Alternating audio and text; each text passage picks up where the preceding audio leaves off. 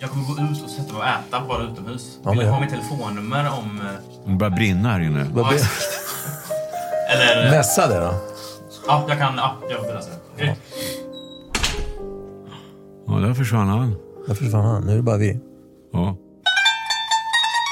Välkomna till ett nytt avsnitt av Mellanösternpodden som idag ska handla om tre förhållandevis nyutkomna böcker som alla då är på svenska och alla handlar om olika aspekter av Mellanöstern.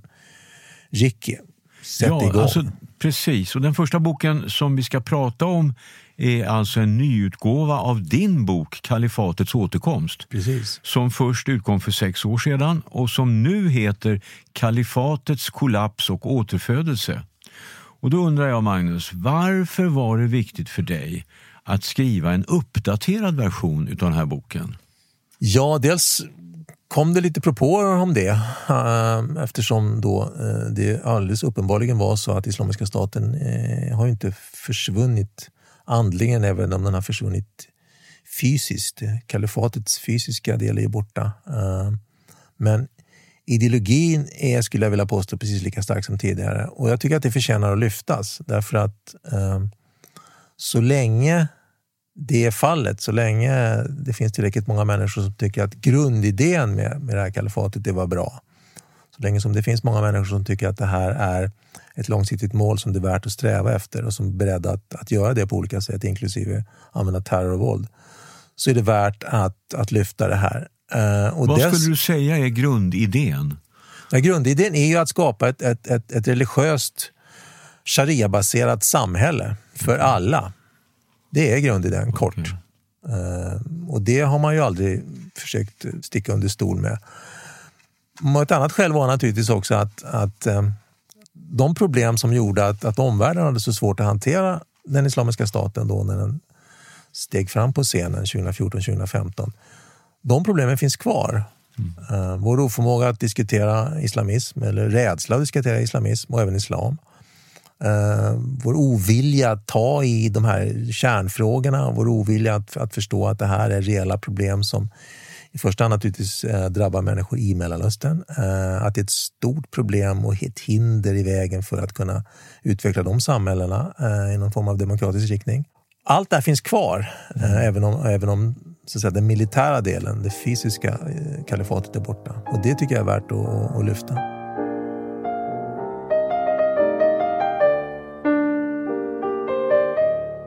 Vad du då säger egentligen är att IS lever kvar och, och är aktivt i tiotal länder. Och det inkluderar Sverige. Och låt mig då citera från dagens Svenska Dagblad. Här är en rubrik som lyder på följande sätt. Skolor i Örebro stängs, har kopplingar till IS. Och Det betyder alltså att IS fortsätter att vara en aktiv organisation, vilket kanske förvånar somliga. Och man undrar i efterhand om kriget som fördes mot denna organisation istället kunde ha slutat med att den helt besegrades, det vill säga att IS förintades. Var det en möjlighet, tror du?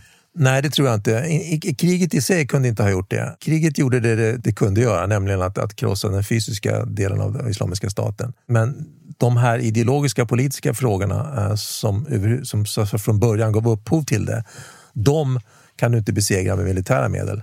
Det är ju en, en intellektuell och politisk intern eh, muslimsk kamp framför allt som det handlar om. Och det, det, kan du inte, det kan du inte krossa med militära medel. Precis, för du skriver i boken att den här kampen mot IS och också då mot al-Qaida, att den främst är en intern muslimsk strid. Vad betyder det? Kan du utveckla det lite grann? Ja, men det betyder just det att de, de personer som jag lyfter i, i, i Kalifatets återkomst och, och eh, även den här nya boken, det är ju de personer i Mellanöstern som tidigt såg vart det här, vad som höll på att hända här. Alltså problemet med Islamiska staten uppmärksammades först i Mellanöstern, långt före vi, vi fattade vad det handlar om här i Europa. Och den kampen är ju sekelgammal. Alltså vilken sorts islam är det vi ska ha här? Och vilken relation ska den sortens islam ha till det politiska styret i, i muslimska länder? Den frågan är inte på något sätt avgjord, tvärtom. Eh, och med det dilemma, den konflikten mellan det politiska och religiösa och bristen på separation mellan det politiska och religiösa islam, det är kärnfrågan. Och det är en intern fråga för islamsländer och för muslimer. Vilken sorts, vilket, vilket förhållande ska vi ha här? Hur ska den här relationen se ut? Och innan man löser det, innan man, innan, skulle jag säga, innan man, innan man separerar religion från politiken, när man privatiserar religionen så kommer de här problemen att kvarstå. Men Magnus, är det inte så att de här grupperna och de här individerna som är öppna motståndare till IS och al-Qaida, de är väldigt få och de är väldigt utsatta? Ja, visst. Det är rätt på båda punkter. Väldigt många av de här personerna har ju tvingats lämna sina hemländer eh, på grund av att de har förföljts. Eh, så visst är det så. Men, men, det är så. Det är så. Det, det, har ju att göra med en grundidé att, att det är väldigt svårt att kritisera och än, än, än mer ändra på grundstrukturerna eller grundtexterna äh, som ligger till grund för, för, för islam. Och som sagt, det här är inga nya frågor. De här frågorna har funnits under lång, lång tid. Mm. Men det faktum att, att det hålls på, på, så många olika håll så vill man inte ge sig på att kritisera de här grundtexterna eftersom de är, så säga, eh, kommer från Gud det gör att det blir väldigt svårt att vara reformist här. Men, men de finns och även om de kanske i första hand finns i västeuropeiska länder eller väst, västländer med, med, med, demokrati så finns de i Mellanöstern också. Uh, och, och det, det, också, det var också det jag ville lyfta och för det är där som den här avgörande striden måste stå. Kan vi i Sverige göra någonting? Kan vi i väst på något sätt påskynda den här processen i riktning mot ett kanske reformerat islam? Ja, det, det, första vi kan göra det är att sluta ge pengar till islamister. Det är vi duktiga på att göra. Uh, det är definitivt det, det, en, en, snabb och effektiv åtgärd som skulle göra väldigt mycket. Därför att vad ska vi säga, Islamiska statens eller militanta islamisters stödtrupper är ju icke-militanta islamister, uh, till exempel Muslimska brödraskapet och andra, som driver samma frågor fast inte gör det med våld. Det ska man ha klart för sig. Eh, det, det, det, det är stor skillnad här. Så det kan man ju göra. Och dilemmat där är ju det att, att de som vill organisera sig religiöst politiskt så att säga, det är ju just islamister. De andra, är, de andra människor är inte så intresserade av att göra det. Um, så att, att strypa stödet till, till islamister vore ju en, en, en väldigt bra och effektiv åtgärd som skulle få effekt därför att du skulle minska stödet och minska möjligheten för de här grupperna och, och individerna att organisera sig. När det gäller just själva, när det gäller i Mellanöstern så tror jag inte att, att eh, omvärlden kan göra speciellt mycket alls. Utom återigen då att stödja de här mm. så att säga, krafterna som vill reformera. Men grejen är att reformera en religion är som bekant mycket svårt och mycket besvärligt och tar ofta väldigt lång tid. Det tog, vad tog det för eh, kristenheten? Liksom 400 år innan man liksom hittade någon form av balans där. Men grund Förutsättningen är att du separerar det religiösa från det politiska. Det finns ingen genväg. Det måste ske här också. Mm.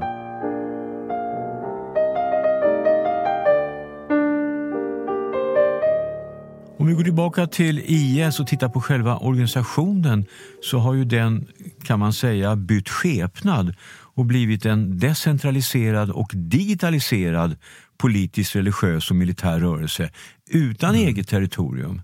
Skulle mm. du säga att det har varit en framgångsrik transformation och har man därmed skapat en sammanslutning som faktiskt är svårare att bekämpa? Ja, det, det kan man nog säga. Alltså, IS var, eh, var ju i viss mån decentraliserad redan innan. Även när man hade kalifatet så hade man ju så kallade provinser runt om eh, på andra håll än utanför Syrien och Irak. Då. Så den tanken fanns redan där. Det var ett sätt för, för Islamiska staten att sprida sig. Och, och det, allt det ligger ju kvar, precis som du säger. Uh, och det gör absolut att det är mycket svårare att, att, att bekämpa det. Därför att det finns ingen, det finns ingen fysisk skapelse på samma sätt som, som det fanns i Syrien och Irak. Då fanns det ett väldigt konkret mål uh, som man kunde liksom slå ut. Det finns inte längre. Utan, och det är därför som kampen har flyttat sig från det här rent militära, eh, i alla fall i, i hög grad, till den här politiska religiösa eh, dimensionen. Och det är naturligtvis svårare. Hur, som sagt, hur reformerar man en religiös tradition? Hur, hur gör man det? Ja, det är inte lätt. Det finns, inga, det finns, inga, eh, det finns ingen blueprint, det finns ingen liksom, guidebok här som man kan använda sig av. Utan det måste man ju, du måste hitta själv de här sättet, eh, hur det ska gå till. Och, och du det säger, blir mycket du säger svårare. att, att eh, vad vi kan göra är till exempel att se till att inte stödja de här organisationerna, Ja. Mm. att inte skänka pengar till islamistiska rörelser. Men då undrar man, hur, varifrån kommer pengarna till IS? Hur överlever de ekonomiskt? Vad har de för Mm. inkomster? Det är också en bra fråga. Under, under kalifattiden så, kom det ju, så, så fanns det ju pengar. Dels genererade själva statsbildningen internt pengar och dels smugglades det in rätt mycket pengar. Eh, Man sålde olja till exempel via Turkiet. Idag så beror det på var du är någonstans. Eh, det är ganska stora skillnader ekonomiskt. Eh, I Nordafrika, för att ta det exemplet, exempel, då, så har ju Islamiska staten tjänat ganska mycket pengar på, på att, att smuggla både människor och varor eh, genom, genom Sahel upp mot Europa till exempel. I Egypten så har man använt sig av utpressning eh, i ganska hög utsträckning. Um, så det beror lite på var du är någonstans. Men islamistiska rörelser, andra islamistiska rörelser som Hizbollah till exempel i, i Libanon, de, är, ju- de ägnar sig i väldigt hög utsträckning åt rent kriminella verksamheter som, som eh, att smuggla droger och, och sådana saker. Så det, det, bilden ser olika ut beroende på var du är någonstans, om man har mer eller mindre stöd från olika personer och individer. Men sen är det också det att, att det finns ju en, en kategori mer ortodoxa människor, affärsmän, som tycker fortfarande att det här är en bra idé. Alltså som gärna vill, skulle vilja se kalifatsidén eh, genomföras, fast kanske inte på samma sätt som Islamiska staten gjorde det. Men som fortfarande tycker att det finns skäl att stödja grupper och individer som driver det här. Och det ska man inte underskatta. Eh, och, och därifrån kommer också pengar. Alltså från enskilda individer och, och, och, och företag till exempel.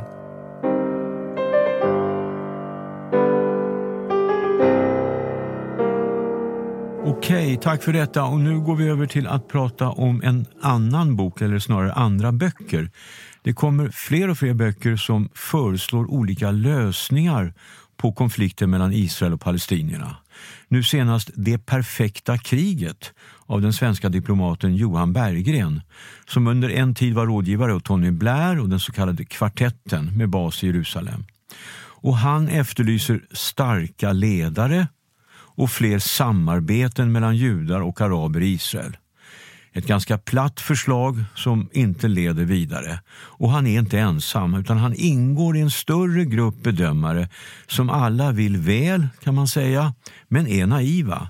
Som till exempel amerikanen Peter Beinart som förespråkar en enstatslösning. Och svensken Bengt G Nilsson som tror på en federation mellan Västbanken och Jordanien. Och då undrar jag, vad är det som gör det så svårt för oss i väst att acceptera att den här konflikten inte kan lösas just nu? Att vi antagligen måste vänta? Att det inte räcker med att initiera dialog? Hur ska man förklara det, Magnus? Ja, det, det är en bra fråga. Det här med dialog tror jag är en, en nyckelfaktor här. Uh det, det finns ju en tendens hos oss här, eh, i, i, inte bara i Sverige, men väldigt mycket i Sverige, att, att alla problem kan lösas med dialog. Om vi sätter oss ner och pratar runt ett bord så, så löser vi det här. Vi hamnar ut en lösning som passar alla. Och det, det finns det inga förutsättningar för här. Um, jag som själv har diskuterat med islamister från Hamas till Hizbollah under många år och talibaner. Eh, de, de, människor har inga problem att ha en dialog med dig. Men att man ska komma fram till någon lösning där de ska backa, det, det, det finns inte på kartan. Du kan inte övertyga till exempel Hamas att sluta vilja utplåna Israel genom att sätta sig runt ett bord med dem. Det, det, det tror jag inte på alls. Utan då måste det till en helt ny inställning, ett helt nytt Hamas. Och det, det, det tror jag är nästan omöjligt att, att, att tänka sig just nu, nu idag. Mm. Men det här är ju väldigt, vad ska vi kalla det, osvenska ett osvenskt syn, synsätt. Så jag tror att vi skjuter ifrån oss det här, och vi, då menar jag inte bara Sverige utan, utan väst överhuvudtaget, där vi, där, vi, där vi har utvecklat ett system där vi som sagt löser konflikt genom att sätta sig och prata med dialog. För att det ska fungera så måste det finnas någon form av gemensam övertygelse. Man startar från åtminstone ungefär samma idé om vad som kan uppnås. Det, det finns inte här. Mm. Om den ena sidan säger att vi vill utplåna er, det är vårt mål mm. och inte sticka under stol med det, då blir det väldigt svårt att se hur man ska kunna komma fram till en kompromiss.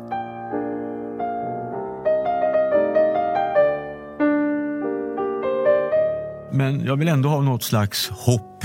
Ja. Jag är 73 år, Magnus, och jag undrar, tror, tror du att det blir en palestinsk stat i min livstid? Hur länge måste man vänta på att situationen på något sätt förändras så att det uppstår öppningar för Mm. en lösning? Ja, men då, då, om, om, om jag då försöker vara lite förhopp, hopp, för, förhoppningsgivande här då, så kan man väl säga att de grundläggande avtal och fördrag som slöts under Osloprocessen på 90-talet, 90-talet, de finns ju ändå på något sätt de finns ju kvar i alla fall. Och Okej, man, kan ju med, med, man kan nu då säga att, att det var kanske före sin tid, man hade lite för bråttom. Uh, uh, det, det visade sig att, att, att eh, det ledarskap som fanns då kanske inte riktigt var situationen vuxen. Men strukturerna, idéerna finns kvar och det kan man bygga på. Och då menar jag att det, sättet att inte bara ge upp och gå hem, det är då att, att bygga på de här, eh, ta mindre steg helt enkelt eh, och bygga på det som har gjorts. Alltså se till att att, att ekonomiska och sociala förhållanden eh, förbättras. Inte gå på de här stora, nu ska vi lösa konflikten för all framtid-idéerna, för det, det kommer inte fungera just nu. Det finns det inga förutsättningar för. Men att man inte släpper det man har uppnått. Eh, och då blir det, de här, då blir det mindre steg. Det, det, det här kommer att få ett, ett eh, väldigt konkret um, ut, utmaning nu. Och det är ju, handlar om, om, om, det som ska hända efter då det här lilla kriget mellan Israel och Hamas. Mm. Och man ska med Gaza. Mm. Därför att det här är fjärde ronden då sen, sen uh, Hamas slängde ut den palestinska myndigheten 2000, 2007. Uh, och, och, samma sak har hänt varje gång. Det blir ett krig och, och det, det, folk dör och så rycker FN och andra in för att bygga upp. Och i, i, i skydd av det då så bygger Hamas upp eh, sig igen. Man eh, återförskaffar vapen, man ser till att man, man har en infrastruktur som, som skyddar de, egna krigarna, de egna vapnen och så sätter man igång igen när tillfället är lämpligt därför att man hela tiden vill tala om att vi är här, vi tänker inte flytta på oss och vi är inte intresserade av någon långsiktig lösning. Och vad skulle man kan, kunna förändra Hamas hållning? Precis, om man kan hitta då en mekanism där man ser till att återuppbyggnaden sker helt, i princip helt utanför Hamas kontroll. Det måste gå. Det, det, finns, för det finns ingen omväg här. Du kan inte, om du inte gör det, då kommer Hamas att styra det här och då kommer du få samma situation igen. Och det betyder att till exempel du skulle kunna se till att omkringliggande länder, Egypten, Förenade Arabemiraterna eh, till exempel, Marocko också, länder som har eh, förbindelser med Israel eh, och, och, som har sedan lång tid visat att man stöder en palestinsk stat, går in och, och, och är med och styr de här återuppbyggnadsprocesserna. Och att man är tuff där och säger det blir ingenting om inte vi får bestämma hur det ska gå till. Och att de länderna också, alltså de regionala länderna här får en, får en nyckelroll i när det gäller att se till att, att Hamas inte kan återskaffa, återskaffa vapen och att man lyfter den palestinska myndigheten, lyfter in dem i Gaza igen, se till att det är där, det, det är via dem som allting ska gå, inte Hamas. Det kommer att krävas en Men Tycker du att det är realistiskt? Ja, det, att man på något sätt skapar en situation där Hamas bestämmer mindre över vad som händer ja, det, i Gaza? Det, det, är enda möjligheten för att det här inte ska bli bara rond fyra av, av en oändlig massa ronder framöver här. Det Så vad du inget, säger är inget... att återuppbyggnaden ska kontrolleras ja. av utifrån kommande aktörer ja, som ser till jag. att ingenting handlar om att man istället använder pengarna för att köpa in vapen? Precis. Och att man inte, precis, exakt det jag säger. Mm. Alltså, det, det, realistiskt eller realistiskt eller, eller, eller, inte. Det finns ingen annan möjlighet. Du, om, om, du verkligen vill att det här ska bli en, det sista kriget här på det här viset, då måste det här till. Uh, och då måste man på ett helt annat sätt än tidigare uh, se till att det finns mekanismer som styr men, det här. Men ser du tecken på att omvärlden kommer att agera på det här sättet som du hoppas på? Nej, det gör jag kanske inte. Nu är det ganska nyligen som det har avslutats då. Men, men vad, jag, vad jag ser är ju det att, att det här är inte heller några nya frågor. Det, här, det, det finns ju en, en, insikt om, inte minst hos den nya Biden-administrationen, att någonting nytt måste till. Mm. Jag menar, Biden har varit med tillräckligt länge för att ha sett det här sen, under många, många år. Och det är fortfarande så att, att jag tror att USAs, USA måste få ha en roll här därför att det är den enda liksom, makten som kan ha den clouten. Men nyckelrollen ska inte spelas av vare sig USA eller, eller Europa utan den måste gå via regionala länder som har förbindelser med Israel och som har visat att man stöder en, en palestinsk stat. Så det här är återigen på ett sätt ett internmuslimskt problem? ja, det, det, är det ju inte därför att omvärlden är ju där och petar. Men men ja visst, jag tror att det skulle vinna på att få en, regionalisering. Men man kan ju fortfarande, du kan ju fortfarande använda dig av, av internationella organisationer. Men alltså, jag, jag, tror att det är bättre att man sätter upp en regional eh, eh mekanism här än att man till exempel eh, använder sig av FN. För de har visat sig inte... Alltså, det är Hamas som styr på Gaza. Mm. Och FN har, har varken eh, ork eller kraft eller förmåga att, att motsätta sig det, som det har varit hittills i alla fall. Och för att, det ska, för att det ska ändra sig så måste det till någonting helt nytt, tror jag.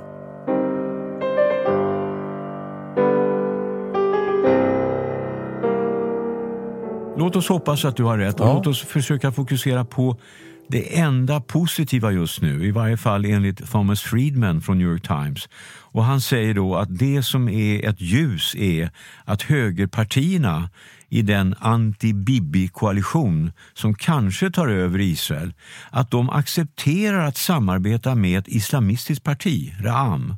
Mm. Och att det kan kanske ses som ett första litet försiktigt steg mot ett mer aktivt arabiskt deltagande i den israeliska politiken. Håller du med om den bedömningen? Ja, delvis. Det, det är, ett annat, det är en annan problematik här än, än, än konflikten mellan Israel och Palestina i och för sig. Då. Eh, här har vi att göra med intern israelisk inrikespolitik så det är, ja, det är olika delar här av det här. Men, men om vi då flyttar oss till att diskutera just det så, så, så, spelar, det, så spelar det roll. Det är, det är inte första gången det finns ett arabiskt parti med i regeringen men det, är, det var länge sedan sist. Och det har inte tidigare, absolut inte tidigare varit ett islamistiskt parti. Och den här koalitionsregeringen är ju speciell eh, därför att den innehåller vänster, center och högerpartier. Eh, och Ram är ju ett extremt konservativt ortodoxt parti.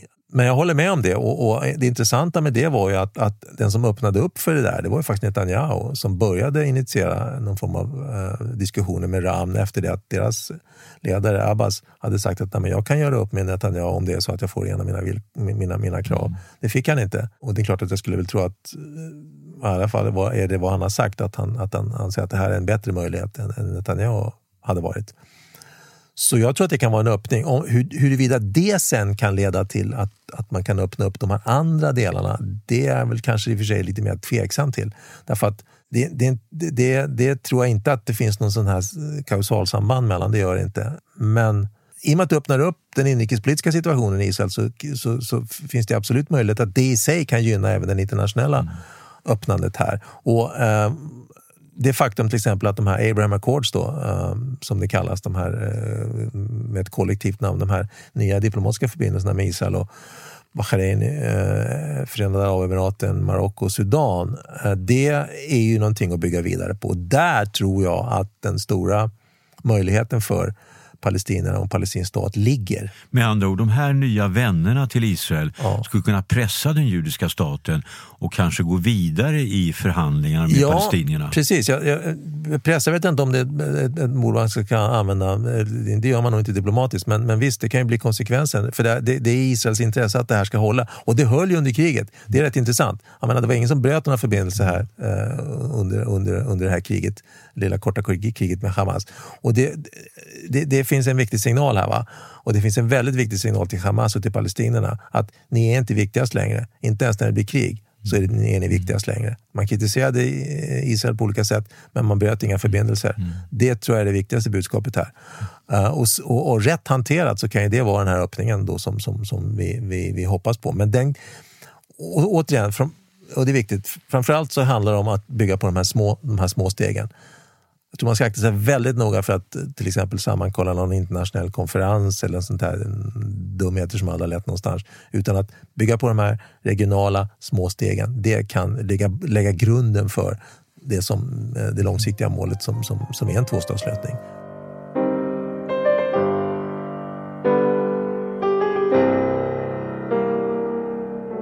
Bra, vi går vidare till den tredje boken mm. som vi ska prata om. Timbro gav nyligen ut en antologi med titeln De arabiska såren som handlar om vad som har hänt i regionen efter den arabiska våren 2011. Och Det är en synnerligen nedslående läsning med två mm. undantag. Mm. Marocko och Tunisien har båda på det hela taget klarat sig bra och till och med gått aningen stärkta ut ur det här folkliga upproret. Vad skulle du säga har de här länderna gemensamt som har gjort det möjligt? Hur har de lyckats vara starka? Ja, alltså då måste jag då eh, framhålla Frankrike. Även om det väl är att svära i kyrkan, eh, eh kanske. Eh, den forna kolonialmakten Frankrike. För, för båda de här länderna har ju då eh, under åren byggt upp ett civilsamhälle eh, och i Tunisiens fall ett sekulärt sådant som är, är, är, är, är ganska ja, franskt, quote unquote. Um, och, och vänta jag, lite, och, när du säger civilsamhälle, ja, vad menar du då? då? Menar jag, ett, konkretisera då, det lite ja, grann. Ett civilsamhälle är ungefär som det vi menar när vi, när vi talar om civilsamhälle i Sverige. Alltså ett samhälle som är oberoende av av, av, av statsmakten, som fungerar oberoende av statsmakten på, på kommersiella, politiska, utbildningsmässiga grunder. Ett samhälle som är tillräckligt starkt för att kunna hantera olika konflikter. Betyder det också är... ett samhälle som har en medelklass? Ja, absolut. Jätteviktigt. Och det har både Tunisien och, och Marocko. Tunisien tror jag mer än Marocko egentligen. Men, men båda länderna har visat prov på detta. Och det finns en, en, en motståndskraft i detta som jag tror är superviktigt. Eh, som gör att man har kommit vad, ur det här. Vad kommer då Frankrike in i det här? Frankrike är ju det, är ju det land som så att säga, i väldigt hög utsträckning initierade det här eh, under, under början på 1900-talet som kolonialmakt. Det är jobbigt att säga det, men, men det är ju så. Mm. Uh, det kanske hade hänt i alla fall, det vet vi inte, men nu, nu, nu var det så. Och det är också så att det finns ju en annan aspekt av det här också. Det är det att de, båda de här länderna har ju då väldigt starka band med Europa. Inte bara med Frankrike, men, men naturligtvis i synnerhet med Frankrike. Och det spelar också roll därför att det är också ett skydd, eller har varit ett skydd. Uh, det finns ett så säga, europeiskt intresse att se till att de, inte de här länderna bara halkar ner i det här djupa svarta Precis. hålet som så många andra hamnat i. Och det Men tror jag skulle du säga att därutöver så finns det en tredje möjlig förklaring som handlar om på vilket sätt man bröt upp från Frankrike? Ja. Och att till skillnad från Algeriet ja. så var det inte särskilt våldsamt varken i Marocko eller Tunisien. Nej, nej, precis. Båda de länderna förhandlade sig egentligen fram till sin självständighet. Och nej, precis, det är stor skillnad med, mot grannen Algeriet som ju hade ett långt och blodigt krig. Uh, så det är naturligtvis också en stor, en stor och viktig, uh, viktig skillnad här uh, som spelar roll. Det finns inte det här, det här onda blodet som ligger kvar mellan, mellan Algeriet och Frankrike till exempel. Så att, så att visst, det är en väldigt viktig faktor också.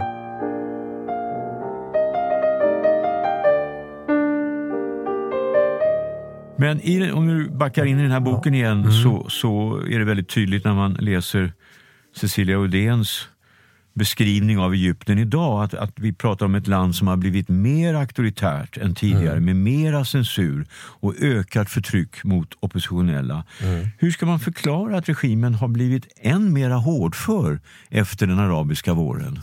Ja, alltså det är också intressant. Jag tror att det som, det som skedde där då, um, efter den arabiska våren och efter det att, att Morsi, alltså Muslimska brödraskapets presidentkandidat, blev president, att han ganska snabbt försökte genomdriva väldigt tuffa islamistiska reformer, vilket de hade sagt att de skulle göra. Så ingen borde ha varit, blivit överraskad egentligen kan jag ju tycka, men, men ändå. Och att missnöjet med det blev ganska starkt. Och när, när militärkuppen ägde rum då, um, av general Sisi, som faktiskt var utnämnd av Morsi, intressant nog som överbefälhavare, så tror jag att det fanns ett ganska, en stor trötthet över det här kaoset som hade, som hade skapats. Och vad Sissi, tror jag, och det sa han också vid några tillfällen, såg som sin, sin uppgift var dels att, att, att hindra det här kaoset, det här förfallet, det här sociala förfallet som hade blivit ett resultat. Och dels att det här ska inte kunna hända igen. Vi har fått en läxa, vi har lärt oss en läxa här. Det här får inte hända igen. Och hans sätt att hantera det var ju då att, att, att uh, vara stenhård mot all form av opposition. Mm. Uh, och det gäller ju verkligen inte bara islamisterna utan det gäller ju all uh, annan form av opposition också. Mm. Och här uh, balanserar väl han på en, på en lina kanske därför att som jag sa tidigare, alltså Egypten har en nyckelroll när det gäller förhållandet mellan Israel och palestinierna. De har en nyckelroll när det gäller att, att förhandla fram det här eldupphöravtalet mellan Israel och Hamas till exempel och kommer fortsätta ha det. Vilket naturligtvis Sisi och Egypten är väldigt medvetna om. Mm. Så här finns det både en, en, en eh, alltså det, det, finns en möjlighet här också för Egypten att, att hantera det här på ett sätt som kanske i förlängningen också kan förändra det, det interna eh, klimatet. Det vet vi ju inte än. Och det beror på hur utvecklingen blir då. Om, om, om Sissi kan få det här lugnet som man är ute efter, att man så småningom då kan börja öppna upp igen. Men läxan här är väl också det att det räcker inte med en arabisk vår. Så att säga. Det räcker inte med att, att, att protestera och i Egyptens fall och i andra fall också fälla en diktator om du inte har möjlighet att sätta dit någonting annat istället, en struktur istället. För risken är att antingen att du får ett kaos som är ännu värre eller i alla fall lika illa eller att du får en återgång till det som var innan. Och, och det är väl en, jag menar, undantaget igen då, är, ju, är ju Tunisien här. Va? Som fick någon form av politisk demokratisering. Men där fanns den struktur. Det är så viktigt. Alltså. Det fanns någonting att bygga på där som inte fanns i de andra länderna.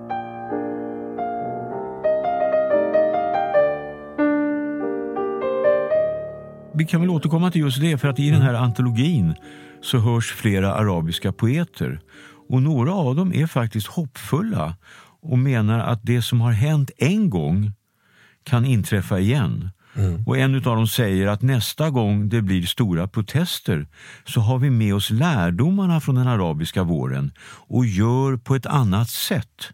Hur låter mm. det i dina öron? Är det mest av allt ett önsketänkande eller finns det någon substans i den typen av förväntan? Ja, det, det, det kanske gör. Men om, om, om, om Sissi kan lära sig en läxa så kan ju de andra också lära sig en läxa naturligtvis, uh, oppositionsgrupperna. Men jag, jag hoppas att det är rätt. Jag hoppas ju verkligen att, att, att man kan se det så. Men så länge du inte kan bygga upp den här oberoende strukturen, det här civilsamhället, den här medelklassen, så kommer det nog att bli, väl, så det blir väldigt svårt, kanske omöjligt att göra om det här. Då kan samma sak hända igen. För att, jag menar, till slut så pyser det över på ett eller annat sätt, det kan det ju göra. Men det krävs mer än bara, eller bara, kan jag inte säga, jag vill inte på något sätt underskatta det, där, det man gjorde, men, men det, det, krävs mer än att, att, att kanske bara störta en diktator. Uh, du, du, måste ha någonting annat istället. Du måste kunna liksom, bygga upp någonting annat istället och helst ska det då finnas någon form av struktur innan. Mm. Och den kan man säkert bygga upp. Jag menar, Egypten är ett, ett stort land med många resurser, med mycket resurser, eh, inte minst mänskligt. Så det, det, finns nog förutsättningarna finns, det tror jag absolut. Men, men, men, men om jag tolkar dig rätt här nu, vad du säger egentligen var eller vad du säger egentligen, så uppfattar jag det är att den arabiska våren hade aldrig kunnat bli riktigt lyckad därför att det saknades vissa ingredienser, det ja. saknades struktur. Ja, och det kan jag säga därför att jag sa redan då det hände att du, kan, du måste, det måste finnas någonting att bygga på. Eh, och Det är väldigt svårt att bygga upp någonting under, i, i kaos eller under, under stridigheter. Det funkar inte. Eller funkar väldigt sällan. Mm. Jag kan inte komma på något exempel där det funkar. Och de länder som har klarat sig igenom det här, det, det är ju länder som vi sa tidigare, där, där det fanns en struktur innan. Mm. Så det, det, kommer man nog inte undan. Alltså. Jag tror inte det. Men, men då kan man ju alltså säga att, att Tunisien och Marocko i ett perspektiv mm. har blivit vinnare. De har liksom gått segrande ut ur det här. De mm. har stärkt, de här samhällena är stärkta, inte försvagade Nej. av den arabiska våren. Men skulle du säga att en annan vinnare, och det vill vi ju egentligen inte se, men att en annan vinnare är Assad ja. i Syrien? Så är det ju. Så är det definitivt. Uh, exakt. Han, han, precis, definitivt är det så. Det, det, det, skriver jag i min bok också. Att, att han, jag tror att man, vi, vi från omvärlden var, var lite oförberedda på att, att uh, eller vad ska jag säga, det fanns väl en förhoppning att det skulle funka även i Syrien med den, denna brutala regim. Och Det är intressant, för även innan den så fanns det ju eh, stolliga idéer om att han skulle vara någon, form, någon reformist på något vis, bara för att han hade utbildat sig i England. En utbildning som han inte, dessutom inte gjorde färdig eftersom han kallades hem när hans bror dog. Det var ju naturligtvis otroligt naivt och det kanske bottnade i någon form av förhoppning att det skulle bli bättre. Men att han var beredd att ta till detta massiva övervåld, det, det tror jag kanske vi inte riktigt var beredda på. Men det var han och det mm. borde egentligen inte ha förvånat någon. Men om vi, tittar, om vi tittar tillbaka på den här tiden, bara kort. Ja. Tror du att Assad fortfarande skulle vara en vinnare om han inte hade fått stöd av såväl Iran som Ryssland? Nej, nej det tror jag inte. Alltså, nej, det tror jag inte. Jag tror att eh, det, möjligen hade situationen varit tämligen kaotisk. Det, alltså, det var stödet som kom till oppositionsgrupperna kom för, för, alldeles för sent och var alldeles för lite. De, de som fick mest stöd var islamisterna.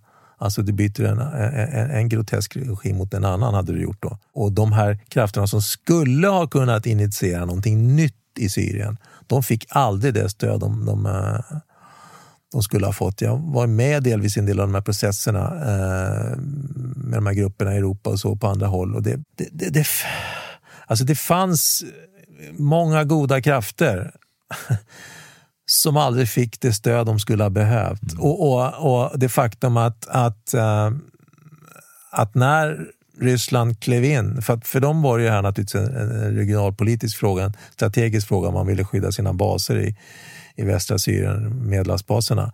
Men sättet de gjorde det på, de, de, de klarade av det därför att Ja, oppositionen hade ingenting, att stå, hade ingenting att sätta emot stridsflygplan och bombflygplan. Men en amerikansk hangarfartygsgrupp hade kunnat slå ut och stoppat ryssarna in their tracks om, om man hade vetat. Och det hade inte kostat så jäkla mycket och hindrat det här. Och, och då hade, om man hade gjort det tid, tidigt, vilket det fanns folk som sa, det är därför jag säger det nu här så långt efteråt, för det, det, det, det sades redan då. Eh, då hade nog Assad inte suttit kvar längre. Mm. Det hade han inte. Okay. Vad som hade kommit istället, det är väldigt svårt att säga. Men det hade krävts en helt annan internationell intervention som inte bara riktade sig mot Islamiska staten. För det var ju väldigt tydligt då från, till exempel från USAs sida um, och eh, hennes allierade då, i Europa att det var Islamiska staten vi slåss mot, ingen annan.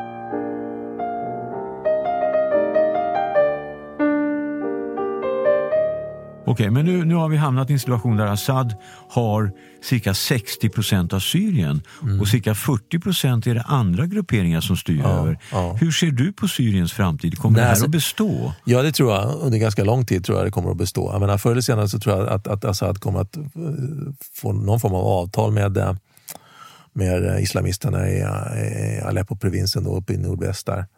Uh, Turkiet kommer inte att dra sig tillbaka från den här säkerhetszonen de har, de har bildat. Det har jag svårt att se. Kurderna är, sitter ju, ja, det är between a rock and a hard place. Um, och, och, det är möjligt att de också på något sätt kommer att uh, tvingas eh, att uh, göra en uppgörelse med djävulen här. För att, dels för att hålla turkarna borta och dels för att överhuvudtaget kunna överleva. De får inte heller tillräckligt mycket stöd. Okay. Eh, där får man väl hoppas att förbindelserna med, med kurderna i Irak byggs ut och, och, kan stärkas, för det är ju deras skydd.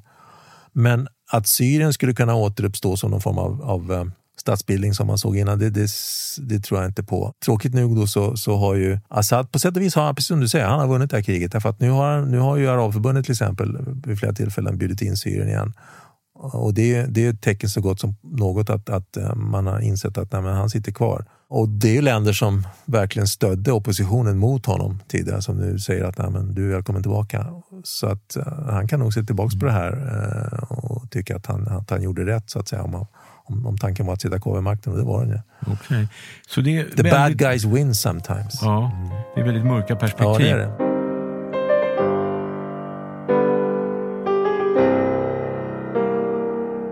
Jag tänkte vi skulle avsluta med en något mer övergripande fråga. Alltså att det våldsamma och konservativa och stillastående Mellanöstern är granne med det sofistikerade Europa är egentligen svårt att förstå. Och ibland kan det kännas som om den här regionen på flera sätt befinner sig i en annan tid. Och Den här frågan har vi tagit upp tidigare i podden men den är så pass intressant att jag tycker det finns anledning att återvända till den. Om du skulle välja tre möjliga förklaringar till stagnationen och frånvaron av demokratin i Nordafrika och Västasien, vad skulle du säga? Tre stycken anledningar till att det är som det är och tycks förbli på det sättet. Ja, det, det första är definitivt att, att uh, man inte har separerat, man inte har privatiserat religionen, att religion och politik är så ihopknutet. Det, det är definitivt det är A. Det skulle jag kunna säga på två och tre också egentligen. Men, men eh, för att ta något annat då, och det är det också att, att i samhällen där du har svaga stater i betydelsen att de inte ger den service som man, som man skulle kunna, som vi har här till exempel i Europa på andra håll, så blir det ofrånkomligen så att människor bygger upp egna strukturer, egna, egna, egna sociala strukturer för att överhuvudtaget klara sig. Och där har du embryot till, eh, till så att säga, det kan vara en stark stat militärt så att säga, och, med en brutal förtryckarapparat men den, den, är svag när det gäller att hantera interna eh, problem. Och då får du en stat som är, är mer byggd på på, på, på, på klanstrukturer uh, och på informella strukturer än på någon form av statsstruktur. Därför att människor litar inte på den överhuvudtaget. Eh, har man ett, staten vill man inte ha att göra med för att man vet att den är... Den och det är, du nu säger, är det en av förklaringarna till att organisationer som Hizbollah eller Muslimska brödraskapet i Egypten har kunnat växa så snabbt absolut. och bli så stora? Ja, absolut. Därför att de kan ju ofta ge service, bättre service och snabbare än vad eh, den egna regeringen okay. kan och när göra. du säger service, vad menar du Ja, mer konkret? Sjukvård, hälsovård, skolor, undervisning, sophämtning, vad du vill. Alltså de här normala, basala grejerna som, som, som vi har. Så det, det är väl den andra då. Och den, den tredje faktorn, det är svårt att säga generellt, men, men en, en tredje faktor som spelar roll i många av länderna, det är ju det att omvärlden har varit där och petat eh, på olika sätt. Det är inte samma faktor idag som det var tidigare, får man ändå hävda. För att jag menar, man kan ju ta det amerikanska exemplet som under ganska lång tid nu har gjort sitt bästa för att åla sig ur den här regionen. Och den, den attityden finns nog på många andra håll också. Så den tredje faktorn är egentligen tudelad. Då. Den, den, den, den innehåller delvis en motsättning. Å ena sidan så har under historiens lopp, jag menar Ryssland och Iran i, i Syrien till exempel ett bra exempel på en extern makt som, externa makter som lägger sig i någonting och gör saker och ting värre. Men skulle du inkludera men, men, men, kolonialismen också som ja, inte, Fast inte längre. Det, det, finns många exempel i världen på, på länder som har lidit under kolonialismen som har klarat sig rätt bra nu. Jag menar, det, så det, det, argumentet håller inte längre, skulle jag säga. Jag menar, då, då, nej, det köper jag inte. Men den, den, den, den tredje faktorn, om håller fast vid det. Å ena sidan då är det det här att man lägger sig i konflikter, typ eh, Syrien då. Men en annan del av den faktorn är ju att vi gör för lite när vi har möjlighet att agera på ett bra sätt. Och där kan man också ta Syrien som ett exempel och omvärldens brist på, på, på förmåga att, att, att, att stödja då de här oppositionsgrupperna. Så vad du egentligen säger är att å ena sidan så finns det problem med att lägga sig i, att omvärlden petar i den här regionen. Mm. Men å andra sidan så finns det ju någonting som talar om att den här regionen klarar sig inte på egen hand. Nej, man kanske, i alla fall så skulle man behöva det här goda stödet som man inte heller får. Så det skulle då vara den tredje faktorn som då så att säga är tudelad här. Okay. Om du skulle addera en fjärde faktor, skulle det eventuellt bli den här väldigt gamla och delvis väldigt blodiga motsättningen mellan shia-muslimer och sunnimuslimer? Ja, visst. Den ligger ju, den ligger också som ett raster här va? Uh, över, över den här delen av världen. Uh, det, är mera, det är mera uttalat i Mellanöstern än det är i Nordafrika. Även om det finns där också, men det är framförallt i Mellanöstern som det spelar roll.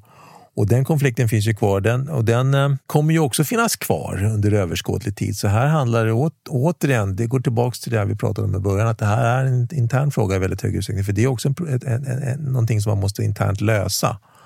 Eh, det, det är ingenting som omvärlden kan egentligen göra så mycket åt eller gå in och peta i. Okej, då säger vi tack för detta. Och de tre böckerna som vi alltså har pratat om, de heter Kalifatets kollaps och återfödelse, Den perfekta konflikten och de arabiska såren. Tack. Tack. Till våra lyssnare ska vi också säga att det här avsnittet var det sista innan eh, Mellanösternpodden tar ett litet sommaruppehåll. Men vi är tillbaks torsdagen den 5 augusti och då ska det handla om Svenska kyrkan och Mellanöstern. Och vi får ta och önska er alla en trevlig sommar till dess och på återhörande i augusti. Vi ska också nämna att den här säsongen lider nu mot sitt slut och för att vi ska kunna fortsätta och starta upp en ny säsong så tar vi gärna emot med stor tacksamhet tips och hjälp personer, organisationer som vi bör kontakta som ska kunna tänkas stödja podden. Individer, organisationer. Eh, tips helt enkelt från er som lyssnar så att vi kan fortsätta eh, den här Mellanöstern-podden. Om ni har några tankar och idéer kring detta, hur Mellanösternpodden ska kunna överleva, så hör ni lämpligast av er med ett mejl till oscar.cast.media. Och det är alltså Oscar med K och cast med Q. Alltså Oscar at qast.media. Tack ska ni ha allihop. Ha en trevlig sommar, säger jag och Ricky.